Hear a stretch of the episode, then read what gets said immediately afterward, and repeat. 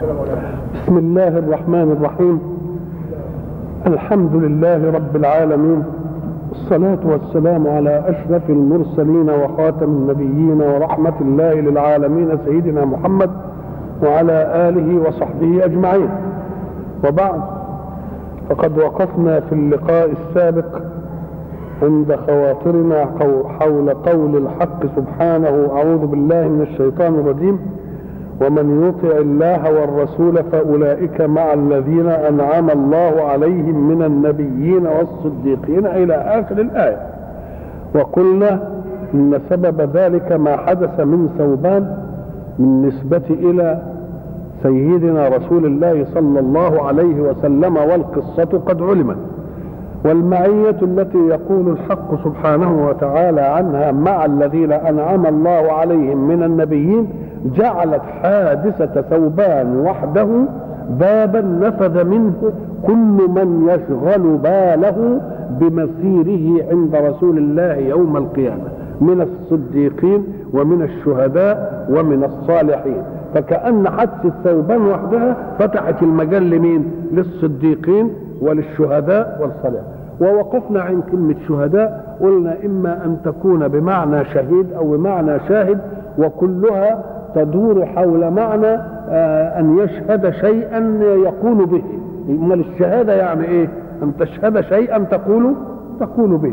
قلنا إما أن يكون المراد المقتولين في سبيل الله وهم شهداء. شهداء ليه؟ لأن معنى ذلك أنهم لم يقدموا نفوسهم للقتل إلا وقد علموا يقينا أنهم صائرون إلى خير مما تركوه من هذه الإيه؟ من هذه الدنيا. فتلك شهادة منهم تؤكد صدق اليقين بالدين لمن إيه؟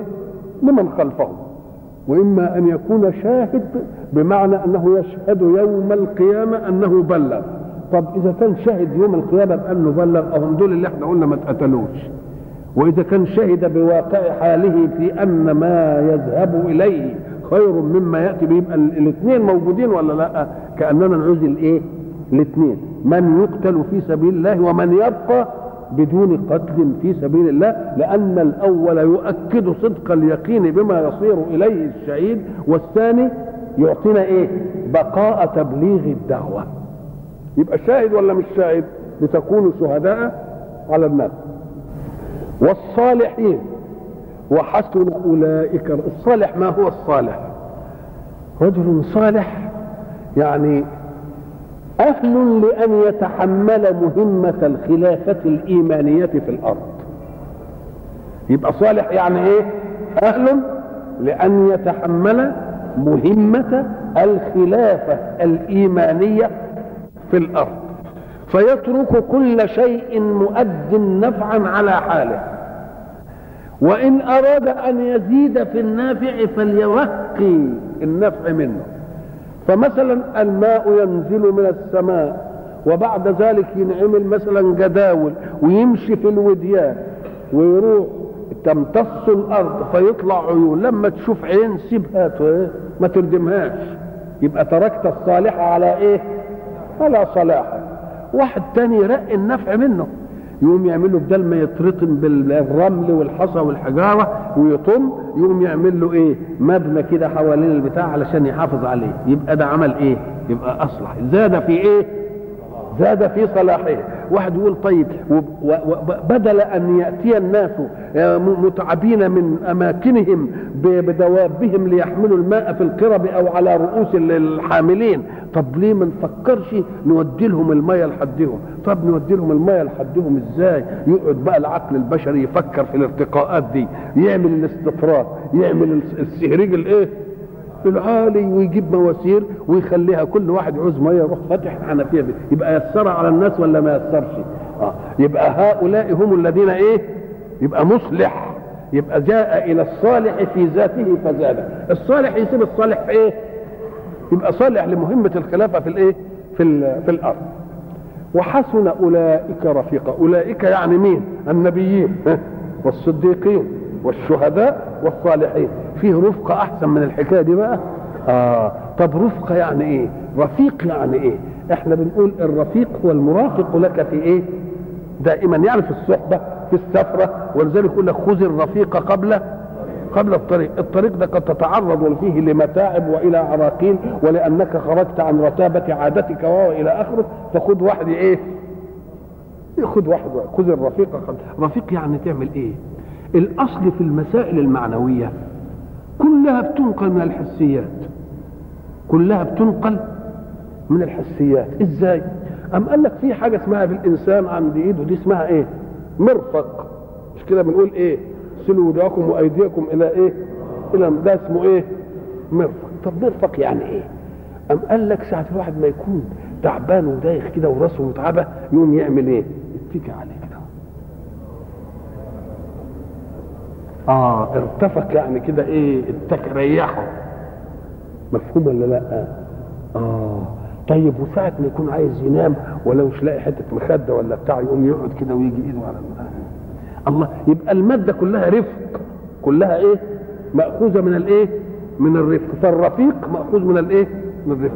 والمرافق مأخوذة من الرفق لأنها بترفق بالجسم كده وتريحه ومش عارف إيه. خلاص؟ طيب ومرافق البيت. مرفق البيت. دي اسمه مرفق ودك مرفق. البيت اسمه إيه؟ مرفق. جمعه إيه؟ المرافق بتاعة البيت. طب مرافق البيت بتاعة البيت. قام قال لك يا أخي لأن في ناس يبقى الأوضة اللي ساكن فيها فيها إيه؟ فيها الحتة اللي بينام فيها والحته اللي بياكل فيها مش كده؟ والحتة اللي بيطبخ فيها بابور الجاز برضه في ريح مش عارف الله. كل حاجة في الإيه؟ في الأوضة.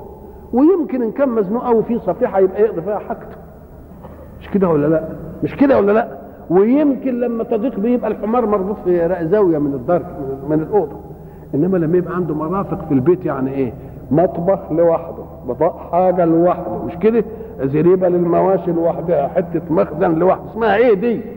اسمها مرافق. بتريح ولا ما تريحش؟ بتريح الدنيا كلها. يبقى حسن أولئك رفيقا كلها مأخوذة من الإيه؟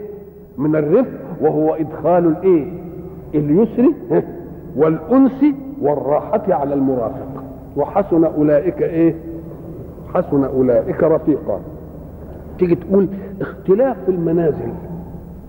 اختلاف المنازل دي. طب نبيين وصديقين وشهداء وصالحين. إيه يعني هتبقى الحكاية يعني كده؟ طب إحنا بنقول إن في آية وأن ليس للإنسان إلا ما سعى. أم قال لك الله؟ طب ما هو ما دام أطاع الله وأطاع الرسول. وحب دولي وحب النبي. طب ما هو ده مش من من سعيه؟ طب يبقى ياخدها رخرة وأن ليس للإنسان إلا إيه؟ نقول له ما تنقضش الآية دي. ليه؟ أم قال لك لأن عمله الأول برضه من إيه؟ من سعيه. وشوف المعية بقى. فأولئك معه فأولئك معه قد تكون المسائل كرامة لبعضهم ويا بعض كده. يأنسوا بإيه؟ والمسألة دي هتدينا فكرة تشرح لنا ونزعنا ما في صدورهم من إيه؟ من غل. ساعة ما يشوف واحد في الآخرة منزلته أعلى من واحد اوعى تفتكر إن هو يقول إن منزلته أعلى من واحد. ليه؟ لأنه ما دام قد ترك الأسباب في الدنيا وعاش مع مسبب الأسباب الذي كان يكلفه. مش كده؟ يقوم هو من من حبه لله. يقوم يحب كل اللي سمع كلام ربنا في الدنيا. يقول له يا سلام ده أنت تستاهل. وانت تستاهل. يقوم يفرح لمين؟ يفرح للي منزلته أعلى من مين؟ كذا افرض إن فيه فصل في تلامذة كتير وفي ناس يحبوا ينجحوا بس. وفي ناس يحبوا العلم لذات العلم. يحبوا العلم. يقوم لما يلاقي تلميذ نجيب كده وعارف حاجة يقوم يكرهه ولا يحبه؟ يحبه. تاني يروح يقول له طب ودي إيه؟ ودي إيه؟ وينبسط بيه. ويجي يقول لك ده دي الأول عليا ده دي اللي مش عارف الله. لأنه بيحب إيه مش بيحب نفسه بقى بيحب مين فكذلك الذي يكون في منزلة ويرى غيره في منزلة أعلى إياك أن تقول إن هو نفسه تتحرك عليه يقول لك لا لأنه من من من تكريمه لربه وتقديره له يحب اللي كان إيه؟ يحب اللي كان طائع لإيه؟ كان طائع لله ويقول يا سلام والله يستاهل زي ما دوك هيطلع الأول وبعدين يقول لك والله يستاهل ده كان إيه بيعمل إيه من غير من غير إيه؟ من غير حقد فإذا كانت هذه المنزلة ما, ما, ما تخدش الآية بتاعت وأن ليس للإنسان إلا إيه؟ إلا ما سعى. نيجي نقول له كمان بحث تاني. وأن ليس للإنسان إلا ما سعى. اللام دي تفيد الملك والحق. مالكش عندي إلا كذا مالكش عندي مالكش ليس لك عندي إلا كذا ده حقك يبقى وأن ليس للإنسان إلا ما سعى حق له. إنما دي حددت العدل في الحق ولم تحدد الفضل. يبقى لو ادان ربنا ولذلك قال بعدها إيه؟ عشان ما تجيش الشبه دي قل ذلك الفضل من الله. ده زائد على عمله. زائد على إيه؟ زائد على عمله. حيثيتها إيه بقى؟ ما تقوليش بقى وأن ليس للإنسان إلا ما سعى. لأنه ان ليس للإنسان إلا ما سعى حددت الإيه؟ اللي حق اللي لك اللي يوجبه عدالة التكليف. لكن ربنا ما قالش دي من الحق ده من الايه؟ من الفضل. فالآية حين تقول وأن ليس للإنسان إلا ما سعى حددت العدل ولم تحدد الإيه؟ ولم تحدد الفضل كما سبق وقلنا أنت ليك مية عندي ودي إيه؟ ودي من عندي. نعم. ذلك الفضل من الله. والفضل من الله هو مناط فرح المؤمن. لأنك مهما عملت في التكليف فلن تؤديه كما يجب بالنسبة لله. ولذلك قال لنا تنبههم أنا كلفتكم وقد تعملون وتجتهدون وتعملوا كل حاجة. إنما ما تفرحوش بالحكاية دي اللي هتجمعوها من العمل دي. قل بفضل الله وبرحمته فبذلك فليفرحوا. هو خير مما إيه؟ مما يجمعون. ذلك الفضل يبقى الآية بتاع ذلك الفضل دي ترد على مين؟ تقول كيف يجيء ثوبان أو من دون ثوبان ويبقى مع النبيين ومع الصديقين ومع الشهداء ومع الصالحين ومنزلته. لو لم تكن منزلته أدنى لما كان في ذلك تفضل. يبقى إزاي ياخد دي نقول له لا. إما أن يكون طاعته لله ولرسوله ومسألة الحب إياها ديا من من سعيه وعمله أو أن الآية دائما تحدد العدل ولا تحدد الايه ولا تحدد الفضل والفضل هو مناط فرح المؤمن بالنسبة لربه. قل بفضل الله وبإيه؟ رحمته فليفرحوا هو خير مما يجمعون. ذلك الفضل من الله وكفى بالله عليما. لأنه رتب أحكامه على علم. وعارف صدق الحب القلبي وصدق الودادة وصدق تقدير المؤمن لمن زاد عنه في الإيه؟ لمن زاد عنه في في المنزلة. الحق سبحانه وتعالى بعد أن أمن لنا داخلية وطننا الإيماني وتجمعنا الإسلامي بالأصول التي ذكرها وهي نؤدي الأمانات. وإذا أدينا الأمانات لم نحتج إلى تقاضي. فإذا غفل بعضنا ولم يؤدي أمانة وحصل نزاع يبقى يجي الإيه؟ الحكم بالعدل. طيب عاد. وبعد ذلك نحتكم في كل أمورنا إلى مين؟ إلى الله وإلى رسول الله صلى الله عليه وسلم. وما نحتكمش إلى الإيه؟ إلى الطواغيت إحنا دلوقتي بنأمن الوطن الإيه؟ الإيمان. جمهور الإسلام بنقول عايزين إيه؟ في البيئة. أداء امانه هات لي بقى مجتمع إيماني كل واحد بيؤدي الأمانة. وإحنا قلنا إن الأمانة هي إيه؟ حق للغير في ذمتك أنت. الدين لما كل واحد منا يؤدي الحق اللي للغير كل ما عداك غير.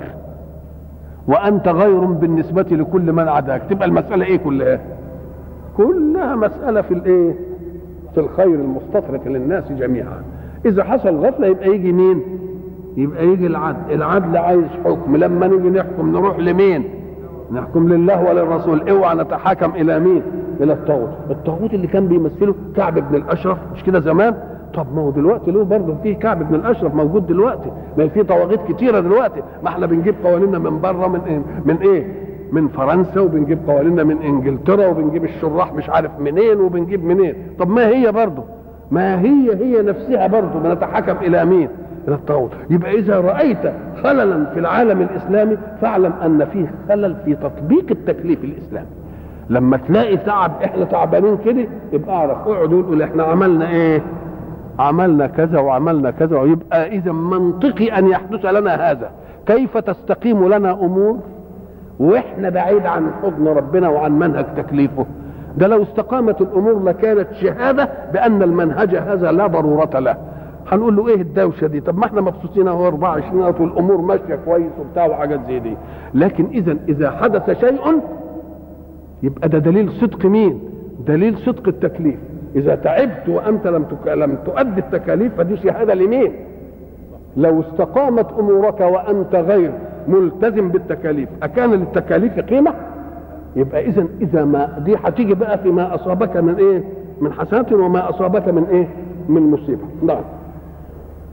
بعد ذلك بعد ما يدينا إن نؤدي الأمانة وإننا نحكم بالعدل والا نتحاكم إلا إلى رسول الله وإلى ما تركه رسول الله من كتاب الله وسنته وسنته بعد أن أدى ذلك وطمأننا على المصير الاخروي مع النبيين والصديقين والشهداء قال بقى أنتم لاحظوا أن كل رسالة خير تأتي من السماء إلى الأرض؟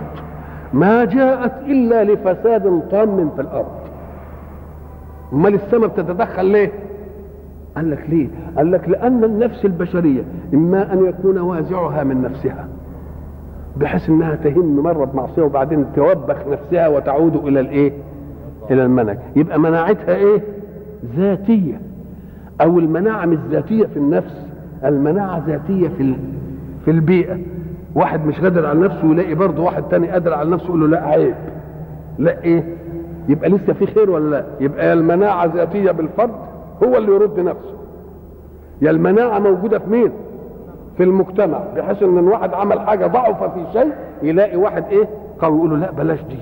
يبقى لا يزال في خير ولا لا؟ آه. كانت الأمم اللي فاتت لا إن, إن, إن, إن لم توجد المناعة بقت من مرحلة واحدة. كانوا لا يتناهون عن منكر فعلوه. يبقى ال ال ال المسألة الأولانية فسدت بتاعت مناعة الإيه؟ الذات. ولا فيش مناعة من المجتمع. تقوم السماء تتدخل ولا لأ؟ أمة محمد صلى الله عليه وسلم فضلها الله وميزها على أن مناعتها دائما في ذوات أفرادها فإن لم تكن في ذوات الأفراد ففي كل المجموع.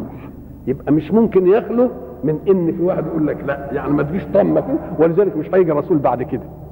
لو كانت هتيجي طمة كده والمجتمع رقر يفسد ولا نلاقيش فيه كان لازم يجي إيه؟ رسول. لكن بقى خاتم النبيين ليه؟ لأن الله سبحانه وتعالى فضل أمة محمد بأن وازعها دائما. إما هي من ذاتها بحيث كل فرد يرد نفسه وتبقى نفسه لوامة أو الإيه؟ المجتمع. ومش المجتمع يعني ناس يقعدوا كده علشان يوعظهم وينصحهم ويوصهم. لا ده كل واحد يوصي وكل واحد يوصى. كل واحد يوصي وكل واحد يوصى إزاي؟ اقرأ قول الحق سبحانه وتعالى. أعوذ بالله من الشيطان الرجيم. بسم الله الرحمن الرحيم. والعصر إن الإنسان إلا الذين آمنوا وعملوا الصالحات شوف بقى وتواصوا. تواصوا بالحق وتواصوا بإيه؟ تواصوا يعني إيه؟ ما تشوف ساعة ما تقول في مادة تفاعل دي زي تشارك يعرف إن كل واحد موصل وكل واحد إيه؟ موصل ليه لأن النفس البشرية أغيار. فقد تهيج نفسي على المنهج مرة. الشرة تيجي ويجي على واحد تاني يكون إيه؟ يجي يقول لي. أنا بعد كده أردها له برضه. أنا هادئ وواحد تاني عمل حاجة أقول له يبقى تواصل يعني إيه؟ يعني يكن كل واحد منكم موصن وموصى. يعني قاعدين مفتحين لبعض كده. اللي ضعف في حتة يجد الإيه؟ الثاني. وأنا ضعفت يبقى إيه يجد الثاني يبقى لا ينعدم أن يوجد في الأمة المحد المحمدية موصن بالخير وموصن أيضا بالخير وتوجد في النفس الواحدة أنه موصن في موقف وموصن في موقف آخر بحيث لا يتأبى إن وصاه غيره. لأن نقول له طب ما أنت كنت بتوصي امبارح تبقى أنت تنبسط منه ولا لأ؟ رحم الله امرا أهدى إلي إيه؟ أهدى إلي عيوبي. فبعد ذلك الحق سبحانه وتعالى يقول لك بقى استكملنا البيئة الإيمانية. نقوم نعمل إيه؟ نقول إن الرسالات ما بتجيش إلا إذا طم الشر. وأنتم آخر الأمم. واطمئنوا على إن الشر مش هيطم عندكم. هتفضل فيكم إيه؟ مناعتكم. وهتفضل حتى وإن لم يلتزم قوم فسيلتزم إيه؟ وإن لم يلتزم الإنسان في كل تصرفاته هيلتزم في البعض ويسيب البعض. تعال الآن. ما دام المسألة بالشكل ده بقى تنبهوا جيدا إلى أن العالم لو لم يحتج تدخل السماء كان يبقى عالم مستقيم قوي إنما ما دام محتاج إلى تدخل السماء يبقى عالم إيه شكله؟ يبقى عالم تعبان. وعالم تعبان إزاي؟ العالم يتعب إزاي؟ إذا عطلت فيه مناهج الحق اللي مستخلفنا في الأرض. طيب ويجي وتيجي إزاي؟ ام قال لك مظاهر الجبروت والقوة تطغى على مظاهر الضعف وكل واحد يبقى هواه إيه؟ هواه نفسه. طب تعالى أنت حتى في الأمم اللي مش مؤمنة بدين هل بتترك شعوبها إن كل واحد يعمل هواه؟ ده في أيسر الطرق بيجي في الطرق يقول لك المرور امشي من هنا ولا تمشيش من هنا. مش كده؟ حطوا من الله. ما حدش لو لو لو انسبنا الاوامر بلاش تشريع سماوي الأمم اللي مش متدينة عاملة لها نظام يحجزه هوى النفس ولا ما يحجزش؟ يحجزها. طب أنتوا عملتم على قد فكركم وعلى قد علمكم بخصال البشر على قد علمكم بالطبائع. أنتم تجنيتوا في الحتة دي. ليه؟ لأن كنتم بتقننوا لمن لشيء لم تخلقوه.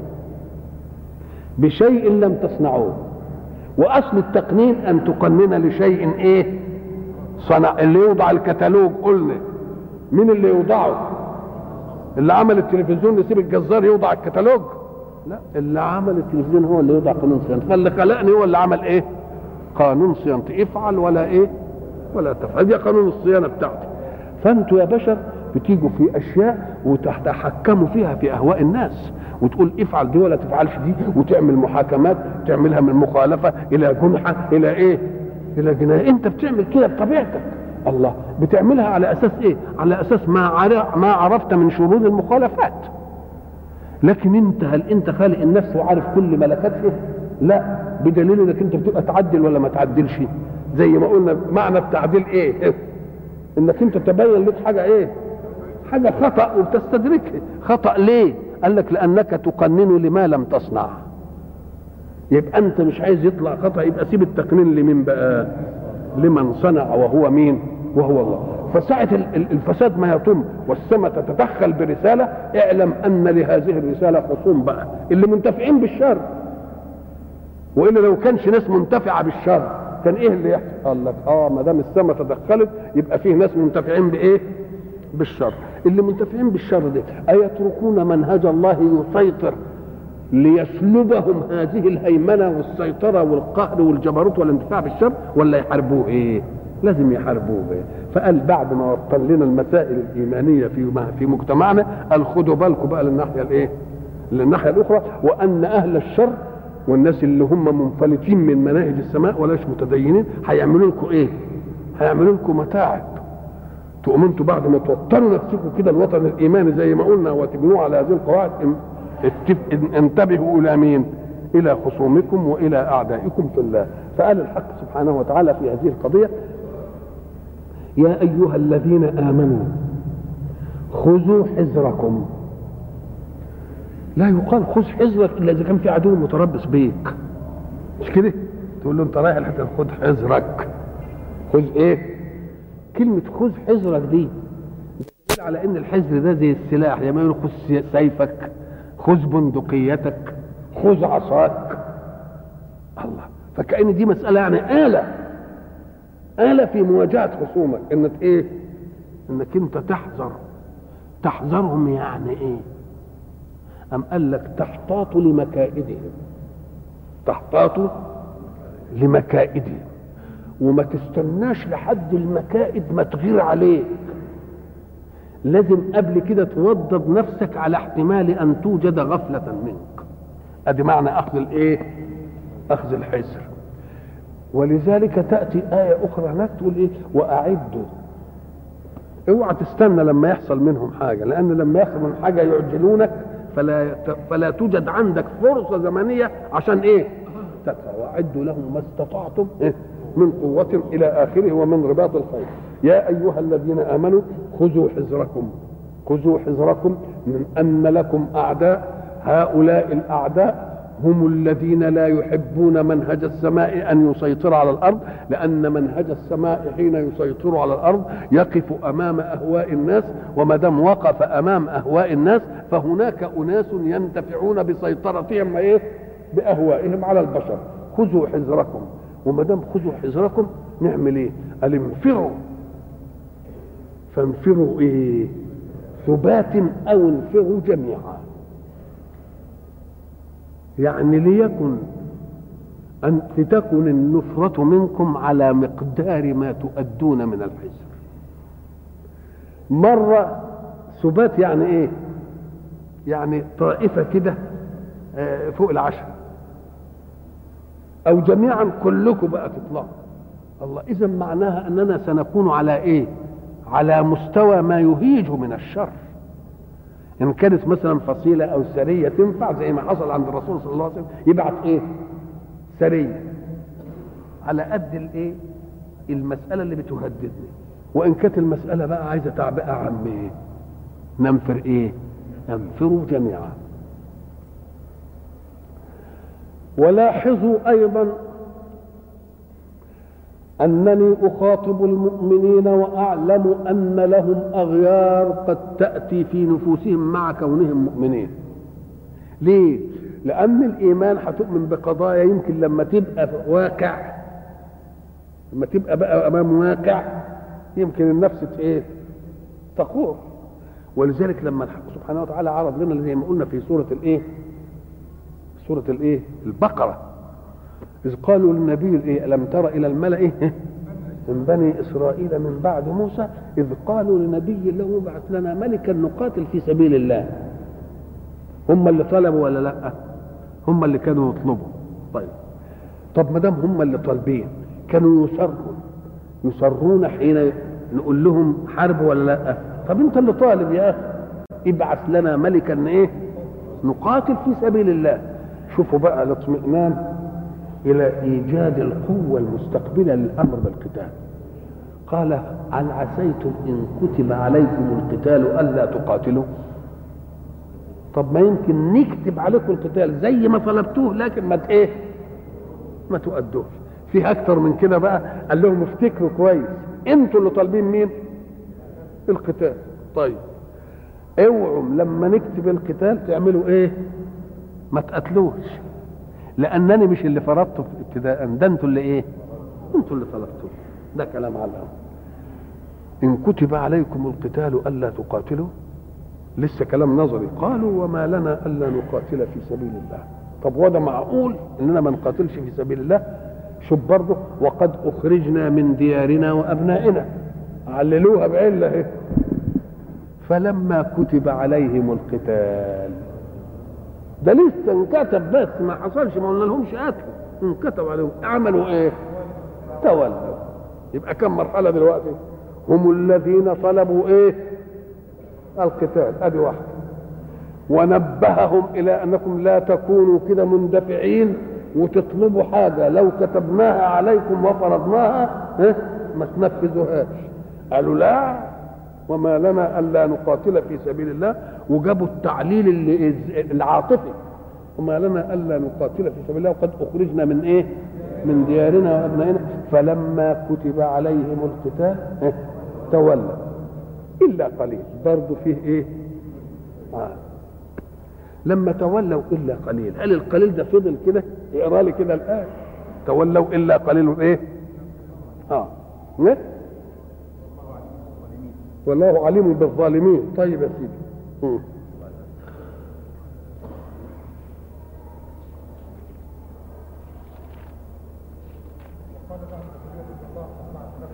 خلاص بقى ما دام خدنا قال وقال لهم نبيهم إن الله قد بعث لكم طالوت إيه؟ ملك. أول مناكفه بقى. قالوا أن يكون له الملك. عم المسألة دخلت في أن يكون له الملك. ونحن أحق بالملك منه. ولم يؤت سعة من الله أول أول ذبذبة أول أرجحة في استقبال الحكم قال لهم إن الله اصطفاه عليكم وزاده بسطة في الإيه؟ في العلم والجسم أنتوا عايزين تقاتلوا ودي عايزة إيه؟ قوة طبعه وجسم وعايز علم عشان يخطط وبتاع يبقى الناقص فيه إيه؟ كده إيه يا سيدي زاده بسطة في الإيه؟ والجسم طيب نعم. أن يأتيكم التابوت فيه سكينة من ربكم. علشان تبقوا مطمئنين على إن إيه الملك بتاعته صح ولا مش جاي متسلط عليكم. المهم لما جم علشان يقاتلوا إيه اللي حصل؟ مبتليكم بنهر. برضه بعد الأوائل الحاجات اللي حصلت دي قال قبل ما تخوضوا المعركة هنبتليكم بنهر. فمن شرب منه فليس مني. ومن لم يطعمه فإنه مني. إلا من اغترف يعني بس نخليك تبل ريقك مش تقبع ما هي فتنة. ثم بقى بحتة وبعدين عايزين نختبر نقول له أنت مش مسموح لك إلا تبل إيه؟ ريقك ما تقعدش إيه تمام. فشربوا شربوا منه إلا قليل. ساعة ما حطوا بدون قعدوا إيه؟ يشربوا. يربحوا إلا مين؟ قليل. يبقى فيه قليل الأول وقليل من الإيه؟ من القليل. طب وبعدين لما جاوزه بهذا القليل وشافوا عدوهم قالوا لا طاقة لنا اليوم بجالوت وجنودي ده الحكاية صعبة علينا قوي مش كده ولا لا؟ الله كم حكاية كم عتبة. أم قال لك والضرورة في دي إيه؟ أم قال لك من إيه؟ من صفين. والذين ظنوا أنهم ملاقوا الله قالوا ما تخافوش منهم كم من فئة قليلة ده قليل القليل ولا لا؟ كم من فئة قليلة غلبت فئة فهزموهم بإذن الله ربنا مدينا الصورة دي ليه؟ علشان نفهم إن النفس البشرية حين تواجه بالحكم نظريا لها موقف وحين تواجه به تطبيقيا له موقف ولو كلاميا وحين تطابق به فعليا يبقى لها موقف. وعلى كل حال قليل من قليل من قليل نصرهم الله ولا لا؟ آه يبقى بده يربي في نفوسنا أن الله هو الذي يهدي والله هو الذي يغلب. قاتلوهم يعذبهم الله بإيه؟ بأيدي. كم من يبقى شوف بعد كده. يبقى اذا الحق سبحانه وتعالى يقول إيه؟ أنا قلت لكم انفروا. ثبات أو انفروا جميعا. واعلموا أن النفس البشرية هي بعينها النفس البشرية. وستتعرض للذبذبة حين وجود الحكم للتطبيق. وإن منكم لمن ليبطئن. يبطئن يعني يبطئ. ساعة ما ندعوه إيه؟ للحرب يتخاذل. زي ما قال إيه هناك؟ اثاقلتم إلى الأرض.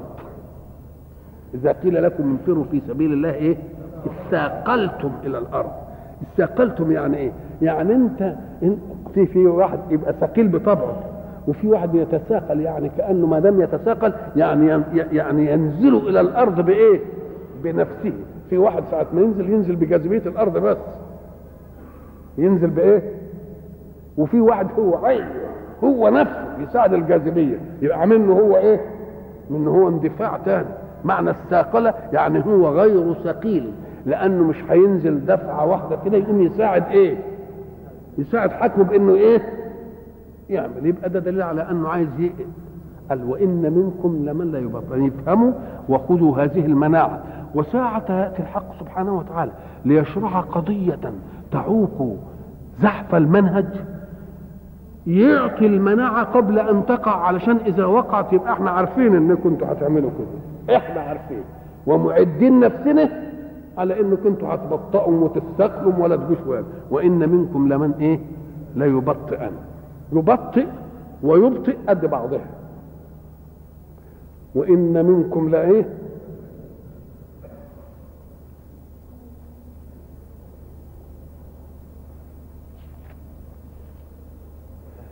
فإن أصابتكم مصيبة قال قد أنعم الله علي إذ لم أكن معهم شهيدا. ما هو تراخى بقى وقعد. يقوم لما تجيلهم مصيبة. مصيبة من إيه يعني؟ إما من قتل إما من هزيمة. يقول يا سلام ها الحمد لله أنا مش وياهم. الله. يبقى إذا البطء بتاعه أو التأخر أو التساهل كان له صدى في نفسه ولا لا؟ له صدى في نفسه بدليل إن لما أصابتكم مصيبة من القهر أو الموت أو الهزيمة قال إيه؟ قد أنعم الله علي شوف البواخر. قال هو يبقى مخالف ربنا وينسب يقول أنعم الله علي زي اللي بيروح يسرق وبعدين يقول اسكت ربنا ستر عليا أما شيء الله. إيه والله ربنا ستر عليا ولا عسكري جه ولا أي حد ولا شوف سخافة التعبير. آه. مما يدل على أن دي مسألة ما بتمرش على ما بتمرش على العقل دي مثلا. دي لهجه تفصي من المنهج بس. آه. قد أنعم الله علي إذ لم أكن معهم شهيدا. شوفوا انظروا بقى إلى السخافة في كونه يجعل إنه ما كانش معهم وما كانش شهيد دي من النعمة. قد أنعم الله علي إذ لم أكن إيه؟ معهم إيه؟ شهيد. ولذلك قال بعض العارفين أن من قال ذلك دخل في الشرك. قد أنعم الله علي إذ لم أكن معهم إيه؟ شهيدا. ولئن أصابكم فضل من الله ليقولن كأن لم تكن بينكم وبينه مودة. يا ليتني كنت معهم. فأفوز فوزا عظيما. الله ان جت مصيبه يقول الحمد أنا أنعم الله علي إذ لم أكن معهم إيه؟ طب ولما يجي لهم غنيمة ولا يجي لهم نصر ولا أي حاجة تقول إيه؟ يا ريتني كنت معاهم.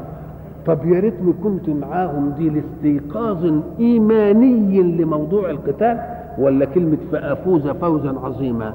يبقى العلة في الكلام بتاعه بتاع يا ليتني كنت معهم مش رجوع عما كان في نفسه اولا ده تحسر ان فاتته الإيه؟ ان فاتته غنيمه الحق سبحانه وتعالى جاب جملة اعتراضية هنا في الآية عشان تدينا لقطة إيمانية. بيقول إيه؟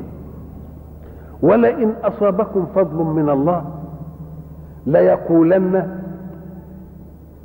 كأن لم تكن بينكم وبينه مودة. يا ليتني كنت معهم فأفوز فوزا عظيما. الله. كأن المودة الإيمانية ملهاش ثمن هنا خالص. طب ده لو كان في مودة إيمانية كان يصح يخلي للمودة الإيمانية حق. فكونوا يقول في الأولانية أنعم الله علي إذ لم أكن معهم شهيدا يبقى معناها أنه لا حق للجماعة الإيمانية في مودته. وإلا لو كانت الجماعة الإيمانية لها مودة في قلبه كان يبقى وياه طب لو كانت المودة الإيمانية موجودة في قلبه في الحالة الثانية كان يقول يا ليتني كنت معهم ويصهر عن مين؟ عن حكاية إيه؟ فأفوز إيه؟ فأفوز فوزا إيه عظيما. فكأن كلامه في الأولى وكلامه في الثانية حين تصيب المصيبة وكلامه في الثانية حين يصيبهم الفضل الاثنين يقوله كأن لم تكن هناك مودة إيمانية بينه وبينهم ولو كانت هناك مودة إيمانية بينهم ما تخلف في الأولى أو على الأقل لم يقل أنعم الله علي إذ لم أكن معهم إيه؟ شهيدا. ولو كانت الثانية لا, لا, لا لما قال فأفوز فوزا إيه؟ عظيمة وتبقى تحسر إيه؟ تحسر توبة. ولئن أصابكم فضل من الله ليقولن قولا كأن لم تكن بينكم وبينه مودة يعني تستحق أن. أن إيه؟ أن المودة أن تجعلهم إيه؟ معكم. يا ليتني كنت معهم فأفوز فوزا إيه؟ عظيما. إياكم أن تتأثروا بهؤلاء حين تنفروا ثبات أو حين تنفرون جميعا واعلموا أن فيكم مخذلين وفيكم مبطئين وفيكم متثاقلين ولا يهمهم إلا أن يأخذوا حظا من الإيه؟ من الغنائم ولذلك يحمدون الله إن هزمتم ولم يكونوا معكم ويحبون الغنائم إن انتصرتم ولم يكونوا إيه؟ ولم يكونوا معكم إياكم أن تتأثروا بهذا وإنما أعطيتكم هذه المناعة حتى لا تفاجأوا بموقفهم إيه؟ منكم وتكونوا على بصيرة منه لأن المناعات ما هي إلا تربية في الجسم إن كانت مناعة مادية أو تربية في المعاني إن حدث المكروه أن تكون عندك فكرة ورد فعل له إحنا لما بيكون فيه مرض بيهاجم بنعمل إيه؟ مش بنجيب ميكروب المرض نفسه. ونطعم به المريض. أيوه لانني لما بجيب ميكروب المرض نفسه وبطعم به المريض أنا بجيبه على هيئة خامده هو هيجي لي على هيئة إيه؟ نشطه أنا بجيبه الآن على هيئة إيه؟ خامده وبعمل إيه؟ وبحطه في جسمه. علشان الجسم هو يعلم أن فيه مناعة. هذه المناعة بعد كرات الدم تقوم على أي ميكروب جديد وتعمل إيه؟ تعمل معركة وياه وتحاصر الإيه؟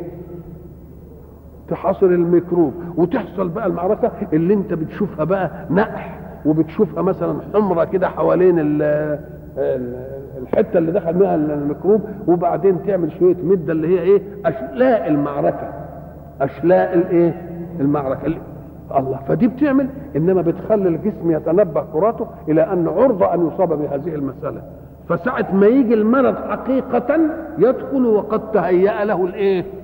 الجسم والكرات نشطت وعرفت إزاي تروح تهاجم فكأن إعطاء الحقن بتاعة المناعة دي ضربة للكرات المودعة من الله في دمك علشان إيه تؤدي إيه؟ كذلك الحق في المعاني يقوم يقول لكم إن هيبقى منكم كذا وهيبقى منكم كذا وهيبقى منكم كذا حتى تعدوا أنفسكم لاستقبال هذه الأشياء. إعدادا لا تفاجؤون به لأنكم إن فوجئتم به قد تنهارون. يحصل انهيار. فبقول لكم من الأول ده يحصل كذا ويحصل كذا ويحصل كذا ويحصل إيه؟ ويحصل كذا. طيب. ولئن أصابكم فضل من الله ليقولن كأن لم تكن بينكم وبينه مودة يا ليتني كنت معهم. فأفوز فوزا عظيما. إياكم أن تتأثروا بهذا. فليقاتل في سبيل الله الذين يشرون الحياة الدنيا بالآخرة. وبعد ذلك يجيء للجزاء ليجعل الأمر بالقتال أمرا محببا لا تفزع منه النفس. ومن ومن يقاتل في سبيل الله فيقتل أو يغلب فسوف نؤتيه أجرا عظيما. وشوف بقى كلمة فليقاتل في سبيل الله الذين يشرون الإيه؟ الحياة مادة شرى ومادة اشترى كلها تدل على الإيه؟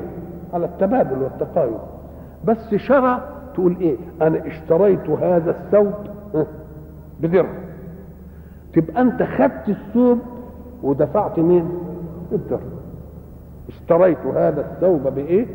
بدرهم أم قال لك لكن برضه تأتي اشتريت بمعنى إيه؟ بعت اشتريت بمعنى إيه؟ ولقد علموا لمن اشتراه ما له في الآخرة من إيه؟ من خلاق بتؤدي المعنى الأول طيب طب وإيه؟ وشروه بثمن بخس دراهم معدودة الله شروه بثمن بخس دراهم معدودة وكانوا فيه من الزاهدين طب ده الجماعة اللي لقوا سيدنا يوسف في الجب صحيح كانوا فيه من الزاهدين وبعدين إيه شروه هم ولا هم باعوه بثمن بخس باعوه. يبقى شرى من أسماء من الأفعال التي تأتي بمعنى البيع وبمعنى إيه؟ قال لك لأنها هي قد بعضها. هو أنت ساعة ما يكون واحد قاعد وبيبيع توب مش هو عايز يبيعه؟ آه. وأنا عايز أشتري وأنا عايز أشتري. ساعة ما اديله دي ساعة ما يديني دي وياخد ال يبقى هو إيه عمل إيه. لا أنا اشتريت التوب. مش كده؟ وهو عمل إيه؟ وهو باع الدرهم. مش كده ولا هو باع الدرهم. تبقى هي عمليه لأن التقايض كان زمان عشان تعرف إن شرى بمعنى باع وبمعنى اشترى. يعني مش غريبة.